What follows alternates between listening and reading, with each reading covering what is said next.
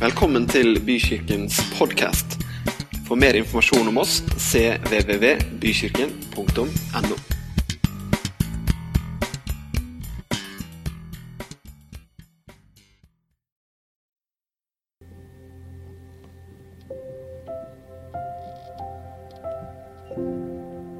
Himmel på jord. Himmel på jord. Det var i hvert fall ikke det denne karen her hadde opplevd. Han hadde nemlig rota det skikkelig til.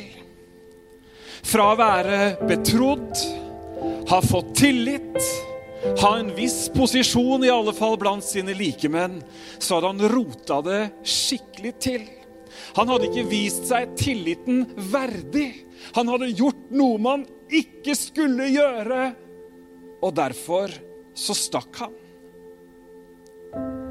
Han tok beina fatt og løp. Kom seg unna der hvor han jobba, kom seg unna relasjonene og havna i en annen by. Kan et menneske skape himmel på jord for et annet menneske? Det var i hvert fall det denne karen her opplevde. For der mens han var på flukt, så møtte han en. En som kanskje ikke kjente han, men som kjente han som han hadde flykta fra. Han møtte en som sjøl visste hva det var og har begått feil, men som hadde fått oppleve himmel på jord. Så han blir egentlig innhenta. Han blir egentlig innhentet av godhet. Han blir innhenta av kjærlighet. Han blir innhenta av nåde.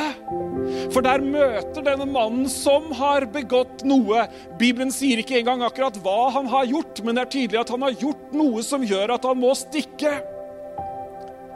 Men så møter han en som sjøl har opplevd nåde som sjøl har opplevd tilgivelse, som sjøl har møtt Jesus, og han sier til han, 'Hør her, jeg skal hjelpe deg'. Og så gjør han det. Og hva er det han gjør? Jo, denne mannen som denne rømlingen møter Denne mannen han møter, heter Paulus. Og Paulus han sier, 'Vet du hva, jeg kjenner jo han som du har flykta fra.' 'La meg hjelpe deg nå, så skal vi se at dette her går veldig bra.' Og så skriver Paulus et veldig personlig brev til sin gode venn Filemon. Det er ikke så mye av akkurat denne type litteratur i Bibelen, men i Det nye testamentet så får du og jeg lov til å lese et brev som vi kanskje skulle tro at egentlig ikke var til oss. Men det er med i Bibelen fordi at det viser oss noe så utrolig flott. Paulus skriver til Filemon, og han ber da for Ones rømte. Hvis vårt vennskap er så sterkt som jeg tror, så ber jeg deg ta imot ham som om jeg selv hadde kommet til deg. Men hvis han har gjort noe galt mot deg eller skylder deg noe, så sett det på min regning. Jeg, Paulus, skriver med min egen hånd at jeg skal betale deg tilbake. Du står jo også i gjeld til meg, ettersom du kom til tro. Kjære bror, la meg få denne gleden. Ta Onesimus, ta imot Onesimus for Herrens skyld, for det vil virkelig gi meg, fylle meg med ny inspirasjon og glede. Jeg vet at du ønsker å være lydig, derfor skriver jeg dette til deg. Jeg tror at du vil strekke deg langt og gjøre mer enn det jeg ber deg om. Kan et menneske skape himmel på jord for et annet menneske? Kan du skape himmel på jord for et annet menneske? Kan jeg være med på å skape himmel på jord? Vi prøver jo i hvert fall litt nå før jul, da. Gjør vi ikke det? Jo da, vi kjøper gaver og Vi har noen juleaksjoner, og Frelsesarmeen kommer fram med grytene sine, og vi legger i en ekstra slant osv. Vi prøver å skape en stemning som gjør at alle er inkludert. Og jula blir på mange måter en sånn påminnelse om hjertelag, om raushet og varme og hjelp for de trengende. Og det er helt klart, dere, at i julehøytiden så oppleves fattigdom, utenforskap, ensomhet ekstra sterkt.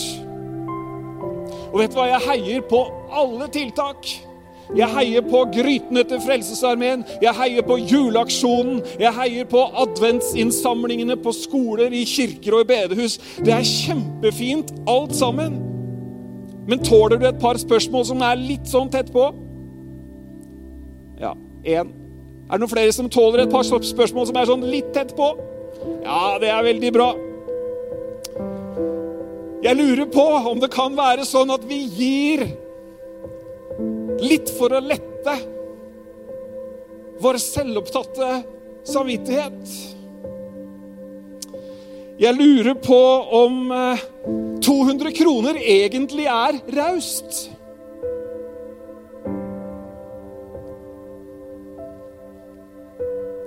Jeg lurer på om det er våre varme, rause hjerter som gjør at vi legger en femtilapp oppi ei bøsse som vi går forbi. Jeg lurer på om vi medmennesker har et ansvar også de andre dagene i året for å skape himmel på jord. Har dere fått med dere hva som har skjedd på Sørlandet denne adventstida? Disse store, anonyme gavene som er gitt til veldedige organisasjoner. Jeg tror det er en 6-7-8 millioner jeg, som har kommet inn nå. Helt anonymt, med håndskrevne brev, så har Blå Kors og Frelsesarmeen og kirker og andre organisasjoner fått masse penger. Vågsbygd kirke var en av de som fikk to millioner kroner fra en anonym giver. Og presten der, Nils Terje Andersen, han sier vi møter barnefattigdommen i hverdagen også. Og så sier han videre det beste vi kan gjøre nå, er å åpne fellesskapet enda mer og rekruttere flere barn og unge til kirka. Behovene er der i hverdagen også. Jesu fotsoldater i menigheter, kirker og bedehusorganisasjoner. Vet dere hva? De trengs alle andre dager også i året, for behovene er store. Mennesker, menneskene rundt oss, menneskene du kjenner, jeg møter, de har behov. Ikke bare sosiale behov, men det har de også. Ikke bare fysiske behov for å få en matkasse eller annen hjelp. Det har de også, men de har også et åndelig behov for å komme i kontakt med Han som kom i en stall. Vær ikke redde, for jeg er kommet for å fortelle dere en gledelig nyhet som gjelder alle mennesker. Det var det engelen på marken sa, som gjelder alle mennesker. Hva er denne gledelige nyheten? Hva er denne gleden? Er det bare håp om himmel? Ja, det er håp om himmel også, men er det noe mer? Ja, det handler også om himmel på jord. Om å få oppleve Guds enorme kjærlighet. Om å få oppleve Jesu eget sinnelag. Jul, dere. Det er himmel på jord. Jeg tror noen ganger at midt oppi alle lubne englefigurer, glitter, stas og til- og fralapper, så glemmer vi hva julen egentlig handler om, nemlig en stor glede som gjelder alle mennesker. Jesus kom med himmel. Akkurat som en trailer for en film om hvem Gud er og hvordan hans rike fungerer, så kommer Jesus til jord. Ja, som et barn i en krybbe, men det skjer veldig mye etter krybben. Han kommer, og så viser han klart og tydelig. Sånn er Jesus. Sånn er Gud. Guds rike er som. Guds rike er slik, osv. Han forklarer oss hva det egentlig dreier seg om. Og så sier Jesus Ikke Jesusbarnet, men Jesus, den voksne Jesus. Han sier til sine disipler Du har sikkert glemt de tolv navnene. Jeg vet ikke om jeg hadde klart å ta dem på styrten alle sammen sjæl.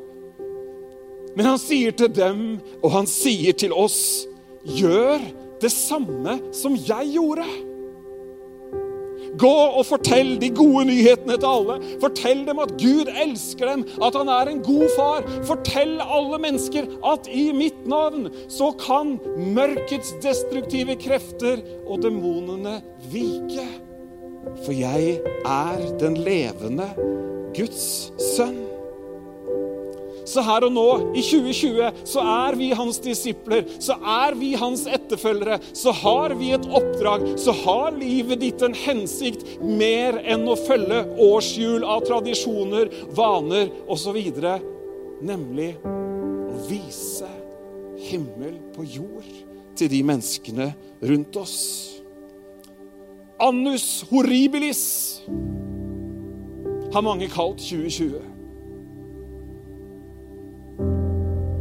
Et fryktelig år.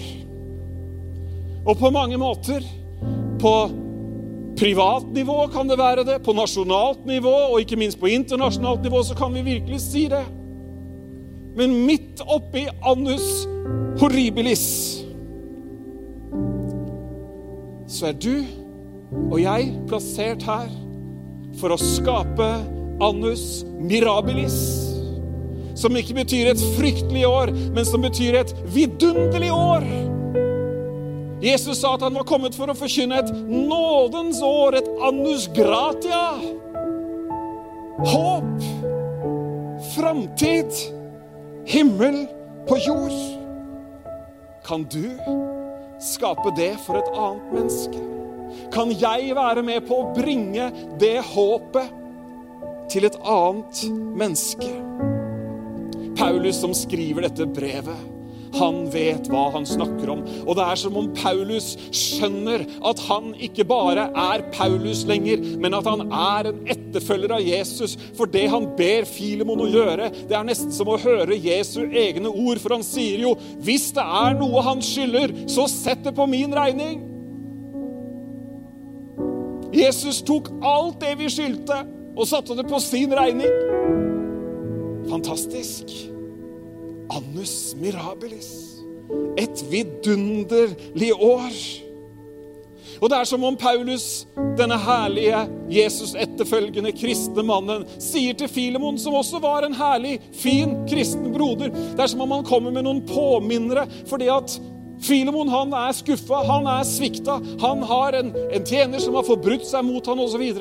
Men så minner Paulus Filemon på hva vi faktisk har fått i Jesus.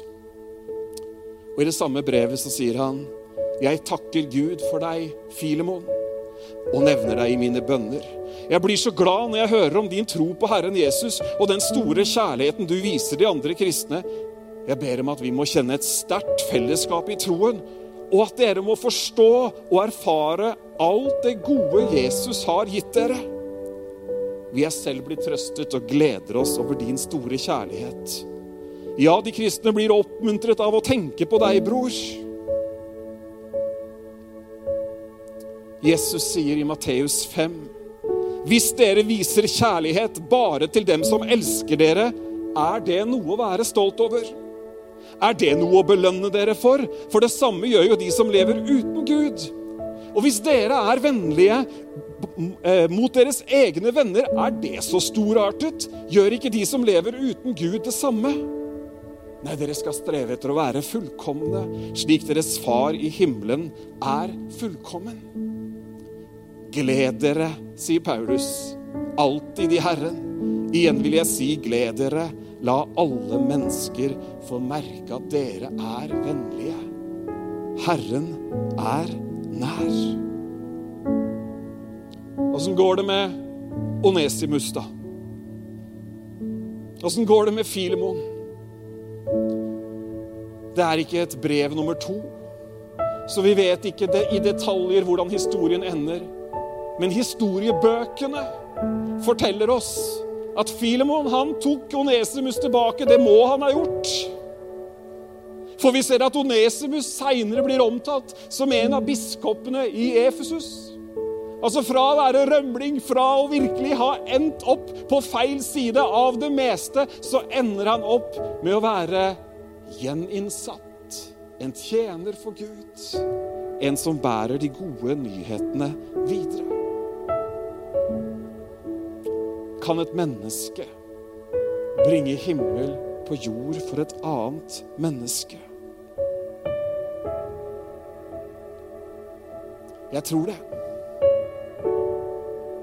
Jeg tror du og jeg, med våre holdninger, med våre liv, med vår møte, måte å møte de rundt oss som det på en eller annen måte har gått i stykker for, så kan vi være med på å være den veiviseren som viser vei mot nåde, tilgivelse rettferdighet. Guds rike består i glede, fred og rettferdighet i Den hellige ånd. Det er et fantastisk oppdrag vi har, og det er en fantastisk mulighet vi har. La oss be sammen. Kjære Far i himmelen. La ditt navn helliges. La ditt rike komme. La din vilje skje på jorden som i himmelen. Herre, vi ber om å få være med på å skape himmel på jord midt blant de vi lever. Vi ber om at vi skal få være et folk, en forsamling, en kirke, som er med på å bringe håp, som er med på å bringe tilgivelse, forsoning, gjenopprettelse og lys inn i ethvert mørke.